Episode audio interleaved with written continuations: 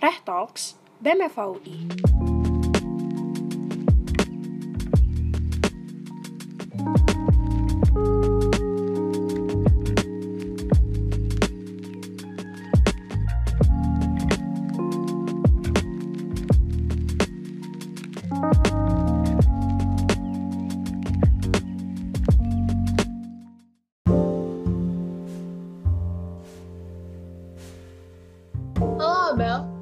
Teman-teman semua. Selamat datang di Reh Talks BEM FAUI. Perkenalkan, saya Kiren selaku host pada episode kali ini.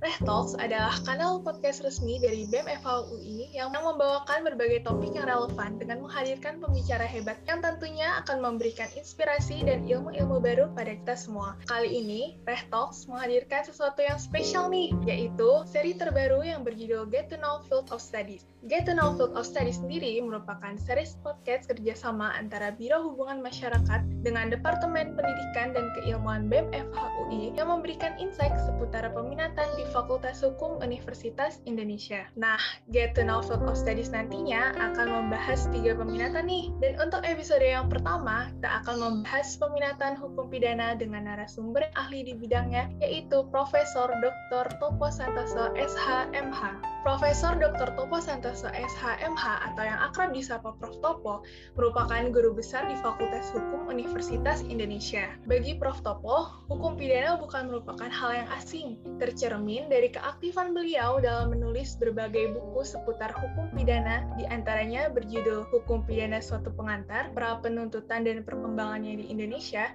dan sebagainya. Ternyata, selain berprofesi sebagai dosen di Fakultas Hukum Universitas Indonesia, beliau kerap kali terlibat sebagai penyusun berbagai rancangan undang-undang dan kebijakan hukum yang dibuat oleh lembaga pemerintah dan lembaga negara. Salah satunya dengan menjadi anggota tim ahli pembahas RUU KUHP Nasional sejak Februari 2020. Nah, mari langsung kita sapa saja sudah hadir di sini Prof. Topo. Halo Prof. Topo, selamat datang di Reh Talks Get to Know Field of Studies Hukum Pidana. Bagaimana kabarnya Prof? Halo, selamat sore Kiren. Baik, kabar saya Alhamdulillah. Makasih sudah diundang ya. Wah, syukur Alhamdulillah ya Prof. Topo dalam keadaan sehat, dan kita semua dalam keadaan sehat. Nah, mungkin boleh diceritakan sedikit nih Prof kepada Abang, Mbak, dan teman-teman pendengar terkait kesibukan Prof. Topo sekarang. Iya, saya tentu yang paling utama ngajar ya, ya ngajar di FAUI S1, S2 maupun S3. Selain itu juga saya menjadi anggota tim ahli pemerintah untuk rancangan KUHP, kemudian juga menjadi penguji di berbagai kampus, menjadi pembimbing di berbagai kampus, lalu melakukan riset, penulisan jurnal, penulisan buku, mengisi berbagai webinar dan lain sebagainya. Ya, banyak sih kegiatannya. Wah, sebelumnya kita ingin mengucapkan terima kasih yang sebanyak-banyak nih Prof, karena Prof Topo telah meluangkan waktunya buat ngobrol-ngobrol di Reh Talks di tengah kesibukan Prof Topo yang cukup padat. Nah, mungkin tanpa berlama-lama lagi, karena Abang, Mbak, dan teman-teman pendengar juga udah nggak sabar nih Prof, kita mulai masuk ke sesi pertanyaan aja kali ya Prof. Oke, silakan Kiren. Oke, Prof. Terima kasih. Nah, pertanyaan pertama nih, Prof. Menurut Prof. Topo sendiri, ada tidak urgensi atau alasan kenapa mahasiswa FAUI ini harus memilih peminatan hukum pidana nih, Prof? Ya, apa ya kalau saya bilang banyak sekali alasannya ya. Karena peminatan hukum pidana ini e, menampilkan banyak sekali mata kuliah yang menarik, yang up to date ya,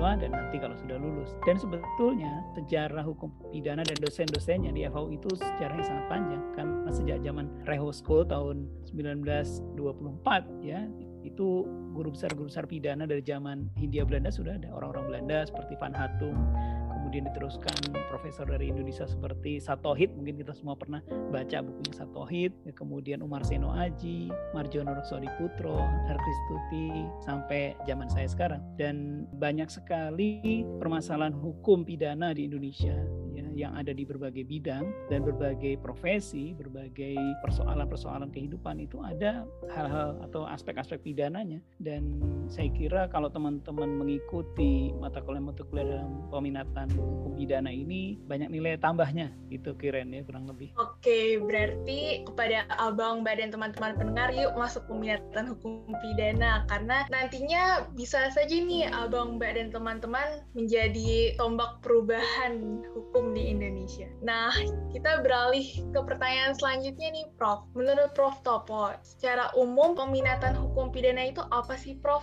Ya, jadi gini, di setiap negara ya, termasuk di Indonesia, itu ada banyak persoalan kriminalitas, kejahatan, masalah-masalah itu terjadi di berbagai aspek, berbagai bidang ya. Jadi bisa dikatakan semua perundang-undangan kita itu ada ketentuan pidananya. Ya, jadi sebenarnya bukan hanya di KUHP, ketentuan pidana itu ada di semua bisa dikatakan hampir semua undang-undang itu ada ketentuan pidananya. Dan di dalam peminatan pidana itu disampaikan atau diajarkan berbagai mata kuliah yang relevan dengan kehidupan kita. Bukan hanya yang mau menjadi jaksa atau menjadi hakim ya. Itu saya kira perlu diluruskan ya. Karena orang berpikir mungkin peminatan pidana itu hanya terkait dengan dua profesi itu jaksa atau hakim. Nah, itu itu salah ya. Karena apa? Sebetulnya semua profesi hukum ya mau jadi advokat menjadi jaksa menjadi hakim konsultan atau mediator atau bekerja di bidang biro hukum pemerintah misalnya atau singkat cerita di semua bidang jadi anggota komisi-komisi negara yang ada di, bekerja di private sector ya kerja di perusahaan-perusahaan suatu ketika ada ya bertemu dengan persoalan-persoalan hukum pidana. Nah itu diajarkan di peminatan kita diberikan basic dasar landasan berpikir teori asas dan sebagainya yang diharapkan nanti mampu untuk melakukan analisis. Kalau ada permasalahan-permasalahan hukum khususnya hukum pidana itu mampu menganalisis dengan tajam jadi itu kurang lebih yang ada di peminatan hukum pidana itu. Oke, karena Prof Topo tadi sudah menjelaskan dengan detail apa itu hukum pidana. Nah, kalau boleh dipersingkat lagi nih Prof, menjadi tiga kata saja. Kata-kata apa sih yang paling mendeskripsikan peminatan hukum pidana menurut Prof Topo? Nah, kalau saya singkat itu singkatannya UII ya. UII itu U-nya dari up to date ya, I-nya important, satu lagi I-nya berikut berikutnya adalah interesting. Jadi up to date, important dan interesting. Jadi peminatan pidana itu mata kuliah-mata kuliahnya maupun isu-isu yang dibahas dalamnya itu sangat up to date terkait dengan hal-hal kekinian ya kemudian penting ya dan juga menarik ya saya kira banyak sekali teman-teman yang mengambil minatan ini akan memberikan uh, testimoni ya bagaimana menariknya perkuliahan hukum pidana. Itu Kiren. Ya memang tiga kata tersebut paling mendeskripsikan hukum pidana ya Prof. Nah Prof mungkin kita masuk ke pertanyaan selanjutnya. Kalau boleh tahu di peminatan hukum pidana itu ada mata kuliah wajib peminatan apa saja sih Prof yang dipelajari, boleh tidak Prof. Topo sebutkan? Oke, jadi mata kuliah-mata kuliah yang diasuh oleh dosen-dosen peminatan pidana itu ada tiga kategori ya. Pertama yang wajib fakultas itu hanya satu, yaitu asas-asas hukum pidana.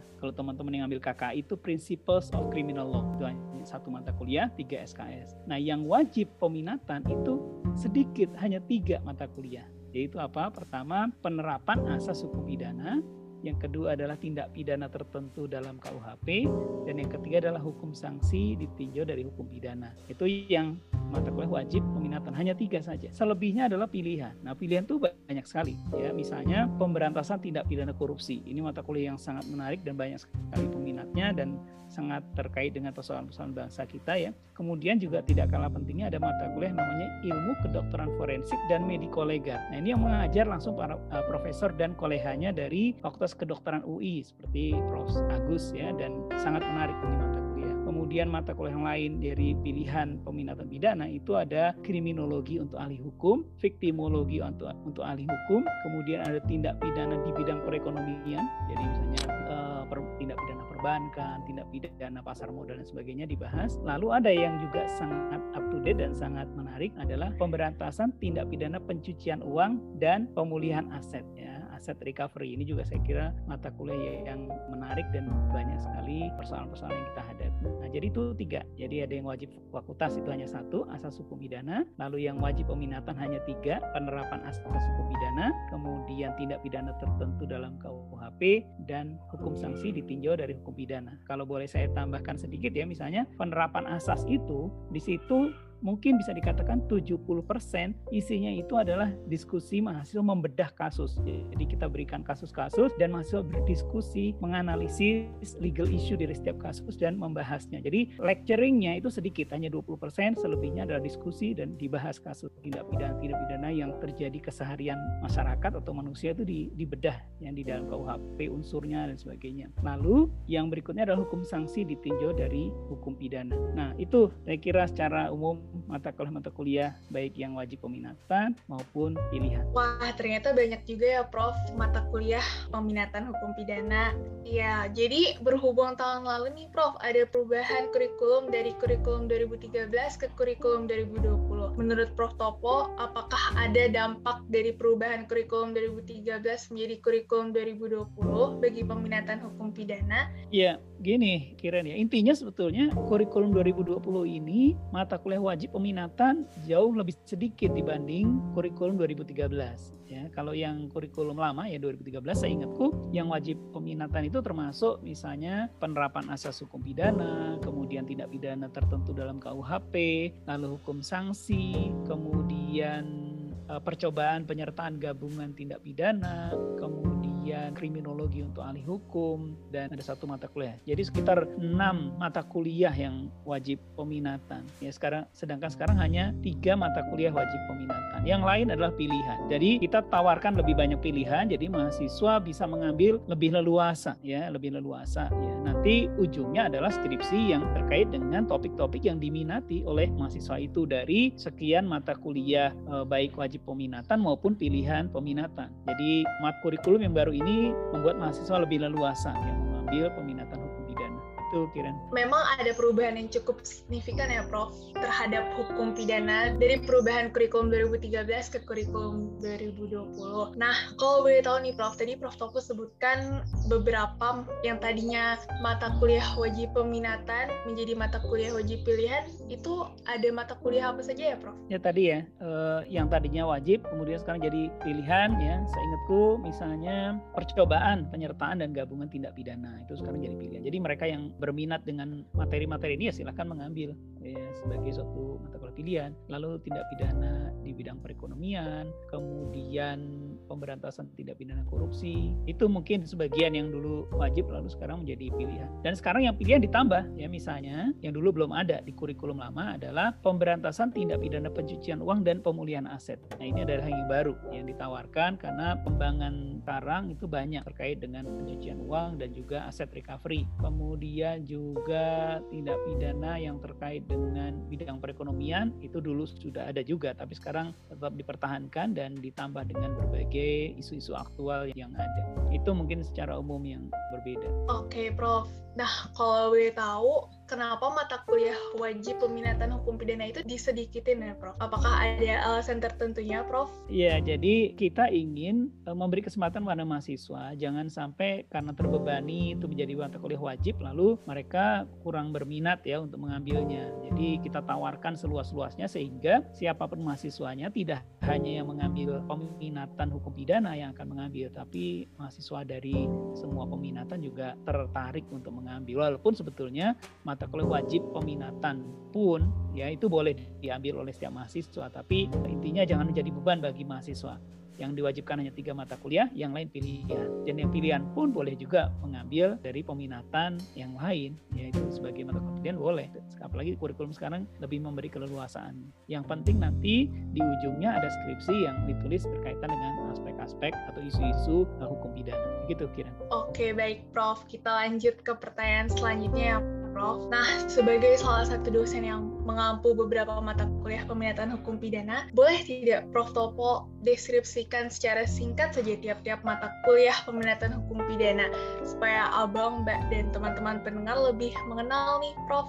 Oke, baik. Tadi sebagian sudah aku singgung ya. Jadi yang pertama itu adalah mata kuliah yang wajib fakultas, yang semua mahasiswa harus ngambil, itu asas hukum pidana atau Principle of Criminal Law untuk yang KKI. Nah, di situ diberikan prinsip-prinsip atau asas-asas dari hukum pidana seperti misalnya berlakunya hukum pidana, tindak pidana, kemudian asas legalitas, soal kesalahan, soal percobaan, penyertaan gabungan, tindak pidana, dasar penghapus, pemberat, peringan dan sebagainya. Jadi intinya segala hal yang yang dasar-dasar dalam hukum pidana diajarkan di kuliah asas hukum pidana ini. Kemudian yang wajib peminatan yang saya katakan tadi ada tiga. Pertama adalah penerapan asas hukum pidana. Di sini diajarkan sebetulnya beberapa materi dari asas hukum pidana yang tadi, tapi diperdalam dengan contoh kasus-kasus ya berasal dari putusan pengadilan. Kemudian mahasiswa dalam kelompok-kelompok diminta untuk berdiskusi, membahas, menganalisis legal issue dari masing-masing putusan itu dan kemudian mempresentasikannya. Jadi di sini biasanya mahasiswa kemudian lebih mendalam karena yang dibahas itu sudah case ya kasus atau putusan-putusan pengadilan itu penerapan asas. Kemudian yang berikutnya yang juga wajib peminatan adalah tindak pidana tertentu dalam KUHP. Di sini kalau kita tahu KUHP itu isinya ratusan pasal, tapi hanya dipilih beberapa pasal penting. Misalnya tindak pidana terhadap nyawa dan tubuh manusia. Jadi penganiayaan, pembunuhan,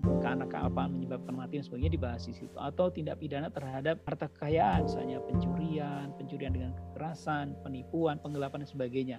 Hal-hal hal yang sehari-hari menjadi persoalan masyarakat ya manusia. Kemudian tindak pidana terhadap kehormatan atau nama baik seperti penghinaan, pencemaran dan sebagainya itu dibahas. Jadi dipilih beberapa pasal dari KUHP kemudian dibedah dan dibahas lalu didiskusikan. Itu tindak pidana tertentu dalam KUHP. Lalu satu lagi mata kuliah wajib peminatan adalah hukum sanksi ditinjau dari hukum pidana. Nah, di sini filosofi dari adanya hukum pidana, kenapa harus ada hukum pidana, lalu jenis-jenis hukum pidana itu dibedah ya, misalnya hukuman mati itu apa dan bagaimana, hukuman penjara, hukuman kurungan, hukuman denda, baik periodenya atau besarnya atau bagaimana itu dijalankan itu dibahas di sana. Dan ini menarik karena juga eh, hal-hal terkait dengan perkembangan terkini tentang pemidanaan dan tindakan itu dibahas di sana. Itu yang tiga mata kuliah peminatan. Lalu yang mata kuliah pilihan peminatan hukum pidana ini sangat menarik yang saya katakan tadi.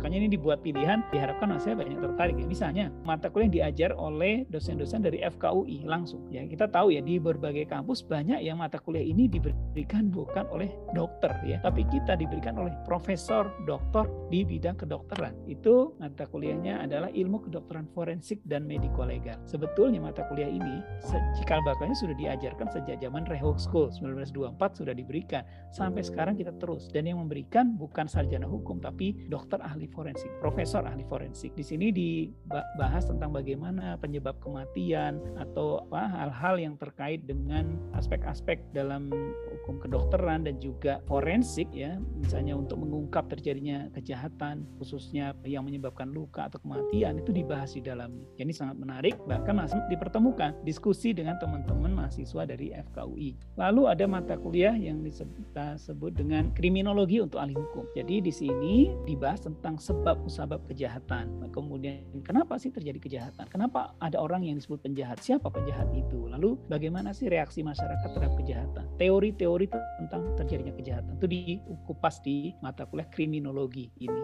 Lalu ada uh, yang sangat dekat dengan kriminologi yaitu viktimologi. Ini ilmu tentang korban. Jadi dibahas siapa itu korban, kenapa terjadi korban tidak pidana dan teori-teori terkait dengan timbulnya korban. Lalu hak-hak dari korban itu seperti apa ya dan bagaimana peran korban dalam sistem peradilan pidana itu dibahas dalamnya. Ya, kalau kita kenal sekarang adanya lembaga perlindungan saksi dan korban ya. Jadi undang-undang perlindungan saksi dan korban itu dibahas di sana. Lalu ada tindak pidana bidang perekonomian. Ini juga menarik ya. Kita tahu sejak tahun 55 kita sudah punya undang-undang tindak pidana ekonomi, terus berkembang sampai sekarang ada tindak pidana ekonomi dalam arti luas. Ada tindak pidana perbankan, tindak pidana pasar modal, tindak pidana asuransi dan sebagainya. Banyak sekali ya dibahas di situ. Lalu ada satu mata kuliah baru yang tadi saya ceritakan ceritakan yaitu pemberantasan tindak pidana pencucian uang TPPU ya dan aset recovery atau pemulihan aset. Ini saya kira satu mata kuliah yang penting ya untuk mahasiswa mengikutinya karena apa? Karena kita justru bermasalah dengan pemulihan aset ini ya dan juga TPPU ini menjadi tren di seluruh dunia adanya mata kuliah dan bidang ini sehingga saya kira uh, dibahas di dalamnya mengenai perundang-undangannya lalu kendala-kendala penegakannya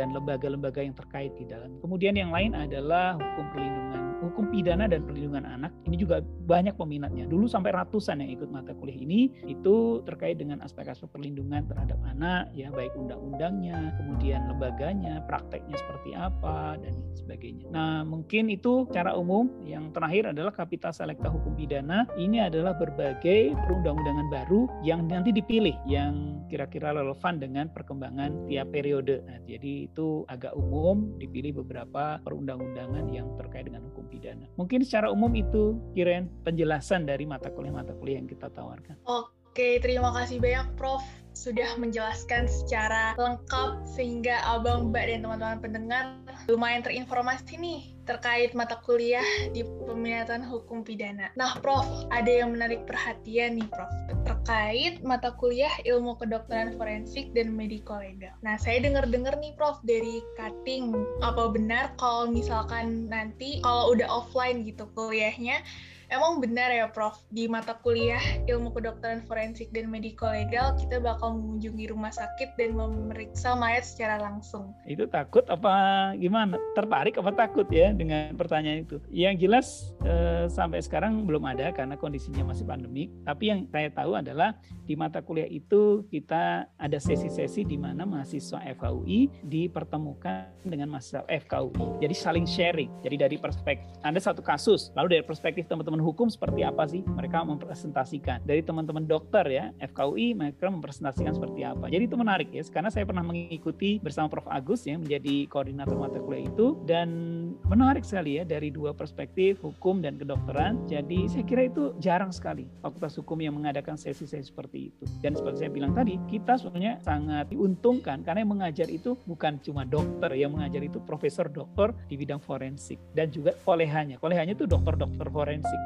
ya itu mungkin Kiren ya, jadi nggak usah takut mengunjungi kamar mayat ya oke tapi menurut saya pribadi itu sangat menarik ya Prof dan kapan lagi kita membedah mayat secara langsung gitu kan Nah, oke, okay. kita masuk ke pertanyaan selanjutnya ya, Prof. Kalau boleh tahu nih, Prof, jumlah peminat hukum pidana tiap tahunnya itu ada berapa ya, Prof? Nah, ini menarik dari Kiren. Gini, jumlah pastinya saya tidak tahu persis, tapi yang ikut mata kuliah-mata kuliah yang diasuh oleh peminatan hukum pidana itu ber bervariasi. Misalnya gini, mata kuliah tidak pidana korupsi misalnya, atau hukum perlindu uh, pidana dan perlindungan anak, itu biasanya banyak sekali. Ya, dulu malah perlindungan anak itu bisa 100 lebih ya. Kalau kriminologi itu berkisar 40 atau 50, 50 mahasiswa, kemudian tidak pidana tertentu ya sekitar 30-an mahasiswa. Jadi berbeda-beda tiap mata kuliah. Tapi yang menyusun skripsi untuk hukum pidana memang tidak tidak terlalu banyak ya, tidak sebanyak misalnya hukum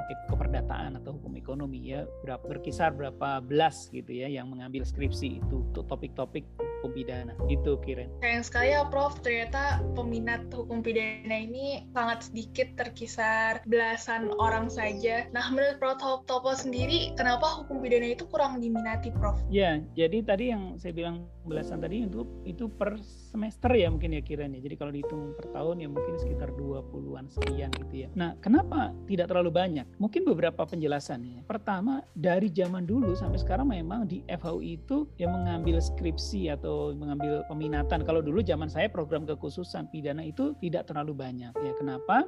Dulu juga seperti itu, tidak terlalu banyak. Pertama mungkin karena selektif kali ya, karena yang tertarik benar-benar tertarik baru mengambilnya gitu ya. Uh, yang kedua mungkin juga karena berpikir ya ada kesalahan mungkin ya, kesalahan info atau rumor dan sebagainya bahwa hanya mereka yang mau berprofesi jadi jaksa atau hakim lah yang mengambil peminatan ini. Padahal di FHUI kita tahu yang mau jadi jaksa dan hakim itu sangatlah sedikit. Berbeda dengan beberapa kampus yang lain baik negeri maupun swasta. Itu kalau ditanya mau jadi jaksa atau hakim mungkin setengahnya eh, atau paling tidak sepertiganya. Sehingga banyak sekali justru di berbagai kampus lain negeri atau swasta yang mengambil program kekhususan atau peminatan pidana itu sangat banyak karena mereka yang mau jadi jaksa dan hakim juga sangat banyak. Ber, terbalik dengan FHUI yang mengambil mau berprofesi menjadi misalnya uh, corporate lawyer mungkin lebih banyak atau bekerja di sektor swasta itu lebih banyak. Dan mungkin kesalahan info atau dari rumor-rumor dianggap bahwa mereka yang berprofesi sebagai uh, lawyer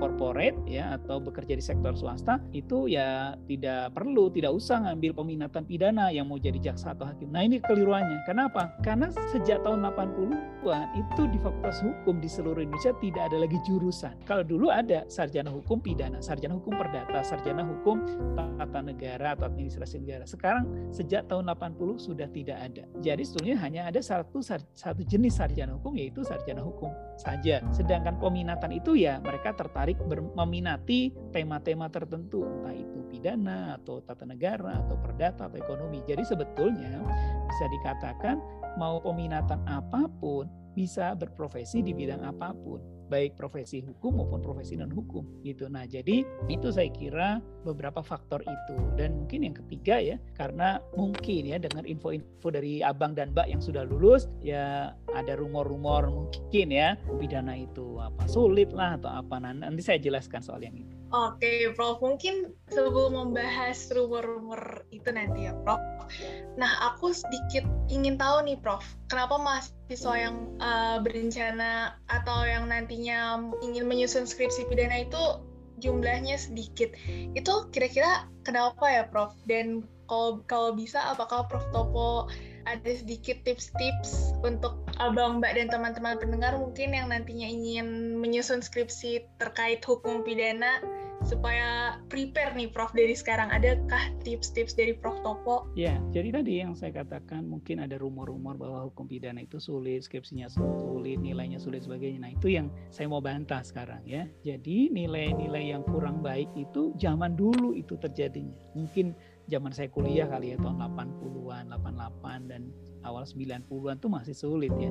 Tapi sekarang bisa dikatakan mata kuliah-mata kuliah hukum pidana ya termasuk asas hukum pidana, tindak pidana hampir semua lulus ya. Yang nggak lulus paling satu atau dua itu pun bukan karena nggak bisa ya, tapi karena misalnya tidak ikut ujian tanpa ada alasan atau tidak pernah mengerjakan sama sekali tugas tanpa alasan dan seterusnya. Tapi pada umumnya ya saya dikatakan ya hampir semua lulus. Ya satu atau dua lah misalnya dari 300 mahasiswa satu atau dua yang tidak lulus. Tadi karena alasan tadi ya. Kemudian nilainya juga sekarang bagus-bagus ya. Nilainya tuh bagus-bagus sekarang ya. Skripsi pun ya kemarin tuh saya ada ujian skripsi 6 mahasiswa satu hari. Itu yang dapat nilai A itu setengah 50 persen itu nilainya A ya. Kemudian sekitar 30 persen selebihnya A nilainya A min. Ya sangat sedikit yang nilainya B plus itu sangat sedikit. Mungkin hanya satu mungkin ya dari sekian. Eh, nah jadi sebetulnya tidak perlu khawatir ya sekarang untuk mengambil peminatan pidana, mengambil skripsi pidana, apalagi sekarang tema-tema pidana itu bisa dikawinkan ya, bisa dimixkan dengan tema di peminatan lain. Misalnya ya sebagai contoh, tindak pidana di bidang perbankan, itu kan menarik ya. Kemudian tindak pidana lingkungan. Lalu misalnya yang sekarang lagi rame BO, beneficiary owners, itu kan perpaduan antara hukum pidana dengan uh, hukum korporasi misalnya, atau uh, tindak pidana terkait dengan korupsi, tindak pidana terkait dengan uh, korporasi ya dan lain sebagainya. Jadi sebetulnya banyak sekali tema-tema aktual dalam hukum pidana yang bisa dijadikan skripsi. Nah, itu yang saya undang teman-teman untuk join dan mulai meminati peminatan pidana dan menulis skripsi di bidang pidana. Dan juga dosen-dosennya membimbingnya serius. Serius dalam arti bukan galak ya, tapi benar-benar mendukung mahasiswanya agar bisa lulus ya. Oke, jadi bagi abang mbak dan teman-teman pendengar jangan takut nih buat ngambil peminatan hukum pidana karena sebetulnya hukum pidana itu tidak sesuai yang dibayangkan ya, Prof. Itu semua tergantung dari pemikiran masing-masing. Nah, Prof, kalau boleh tahu nih tadi Prof Topo nyinggung sedikit soal sekarang mahasiswa lebih mudah mendapat nilai bagus. Nah, itu kenapa Prof? Ya, pertama mahasiswanya tambah pintar-pintar sekarang ya. Yang kedua, ya sekarang ini kan memang sistem dan model pembelajarannya sudah berubah. Sekarang ini intinya bagaimana dosen itu mendampingi, memfasilitasi mahasiswa untuk menempuh pendidikannya. Jadi yang diutamakan bukan lecturing, tapi bagaimana memfasilitasi, kemudian bagaimana membantu mensupport mahasiswa untuk bisa sukses karena mahasiswa inputnya itu eh, mahasiswa sudah pinter-pinter. Jadi sekarang tinggal didampingi, diarahkan, itu insya Allah bisa bisa. Makanya saya bilang tadi nilai-nilai pun semakin bagus dan juga skripsi-skripsi pun tambah beragam, tambah menarik dan juga nilainya bagus-bagus. Nah ini kirain saya mau kasih contoh ya, saya mau bacakan testimoni ini kebetulan bimbingan saya nih yang ambil skripsi dan baru lulus ya. Dia bilang begini ya. One of the reason I choose criminal law ya karena apa terinspirasi sama prof dan dosen-dosen pidana lain yang so brilliant ketika jelasin suatu konsep di kelas. Jadi itu testimoni ya. Jadi saya nggak rekayasa. Sebetulnya yang sudah sudah pernah mengikuti dan sudah pernah menjalani mata kuliah-mata kuliah dalam peminatan pidana dan menulis skripsi bidang pidana itu insya Allah ya, banyak yang terinspirasi dan banyak yang makin tertarik. Wah, berarti ini sebagai suatu peluang nih bagi abang dan teman-teman pendengar yang ingin mengambil peminatan hukum pidana. Nah, mungkin kita masuk ke pertanyaan selanjutnya ya, Prof. Tadi kan Prof. Topo sempat menyebut nih bahwa lulusan hukum pidana itu tidak hanya terbatas menjadi hakim, jaksa, dan pengacara. Nah, kira-kira menurut Prof. Topo, prospek kerja apa aja sih yang sebenarnya bisa diambil terkait peminatan hukum pidana ini? Ya, prinsipnya sih semua profesi hukum bisa dimasuki ya oleh mahasiswa yang lulus fakultas hukum atau sarjana hukum karena tadi saya katakan sejak tahun 80-an ya itu tidak ada lagi jurusan masing-masing jurusan ya misalnya jurusan pidana, jurusan perdata, jurusan tata negara, jurusan administrasi itu tidak ada. Yang adalah program kekhususan ya dulu atau sekarang peminatan. Jadi sebetulnya mau peminatan apa pun yang ada di kurikulum FAUI ini itu mahasiswa lulusnya eh, apa setelah jadi sarjana hukum mau berprofesi jaksa bisa nanti daftar kemudian uh, ikut pendidikan dan terus jadi hakim juga bisa nanti daftar seleksi lulus ikut pendidikan. Jadi advokat juga bisa mengikuti pendidikan juga kemudian uh, magang dan kemudian uh, disumpah lalu menjadi advokat. Mau berprofesi di bidang misalnya biro hukum di kementerian atau menjadi diplomat ya atau menjadi pengacara atau advokat atau konsultan hukum di bidang korporasi itu juga bisa. Jadi cara umum semua profesi hukum maupun profesi lain yang bisa dimasuki sarjana hukum itu bisa di apa dimasuki oleh mereka yang lulus peminatan ini. Wah, ternyata prospek kerja bagi lulusan peminat hukum pidana itu sangat luas dan beragam ya, Prof.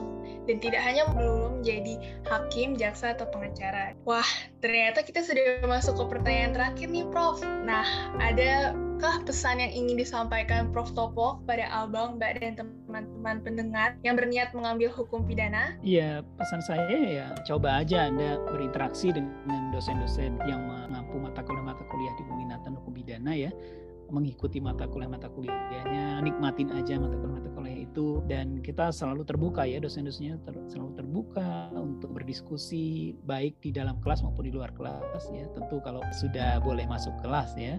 Kalau sekarang ya tentu saja di luar kelas bisa dengan chat atau bisa di telepon dan sebagainya. Itu bisa dilakukan berkonsultasi sangat terbuka kita ya dan ya kalau sudah mengikutinya itu insya Allah nanti akan mendapat banyak pengalaman yang menarik setelah mengetahui bagaimana penyajian mata kuliah-mata kuliah di peminatan hukum pidana ini dan juga bisa berdiskusi lebih jauh dengan pakar-pakar di bidangnya. Jadi Anda beruntung sebetulnya teman-teman mahasiswa ini karena para pengajarnya entah yang profesor atau yang doktor atau yang sekarang juga ada yang menempuh pendidikan di Australia uh, dua orang dan sebagian pengajarnya adalah alumni dari beberapa negara ya saya kira teman-teman tidak akan menyesal ya mengambil peminatan hukum pidana ini itu Kiren dan teman-teman semua. Oke baik. Nah bagi abang, mbak dan teman-teman pendengar yang berniat mengambil peminatan hukum pidana, mungkin bisa nih diingat kembali pesan dari Prof Topo. Jangan takut, karena nanti bakal ada dosen-dosen yang mendampingi abang, mbak, dan teman-teman pendengar dan juga terbuka untuk berkonsultasi dan bertanya terkait topik-topik yang ada dibahas di peminatan hukum pidana. Gitu ya, Prof? Ya, betul, Kiren. Sekaligus pesan yang diberikan Prof. Topo tadi adalah penutup obrolan Rehtox Get to Know Food of Study episode kali ini. Oke, kalau boleh saya rangkum dari obrolan kita bersama Prof. Topo kali ini, diketahui bahwa peminatan hukum pidana itu adalah peminatan yang up to date, important, dan interesting. Peminatan hukum pidana ini up to date karena mata kuliah yang ditawarkan dalam peminatan ini berkembang sesuai dengan perkembangan zaman. Hukum pidana itu important karena hampir setiap undang-undang terdapat ketentuan pidananya. Dan peminatan hukum pidana itu interesting karena mengajak mahasiswa untuk menganalisis berbagai permasalahan yang terjadi secara nyata di kehidupan. Prof. Topo juga mengatakan bahwa mata kuliah di peminatan hukum pidana terbagi menjadi tiga kategori, yaitu mata kuliah wajib fakultas, mata kuliah wajib peminatan, dan mata kuliah pilihan. Karena adanya perubahan kurikulum 2020, mata kuliah pilihan ini jumlahnya diperbanyak, sehingga mahasiswa lebih leluasa dalam memilih mata kuliah yang diminati yang kemudian akan dituliskan di skripsinya. Tak hanya itu, Prof. Topo juga menjelaskan jika prospek kerja bagi lulusan peminat hukum pidana nantinya akan sangat luas serta beragam. Namun, sayang sekali nih Prof, obrolan kita harus berakhir sampai di sini. Sekali lagi, terima kasih Prof. Topo yang telah meluangkan waktunya untuk ngobrol-ngobrol di Reh Talks Get to Know Field of Studies. Sama-sama, Kiren, teman-teman semua. Mudah-mudahan sukses dan sehat selalu. Nah, seru banget kan Reh Talks Get to Know Field of Studies Hukum Pidana kali ini?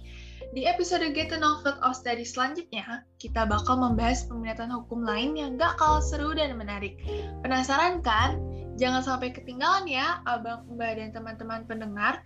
Sampai jumpa di episode Get to Know Field of Study selanjutnya. BEM FHUI 2021, selaras kembangkan cita.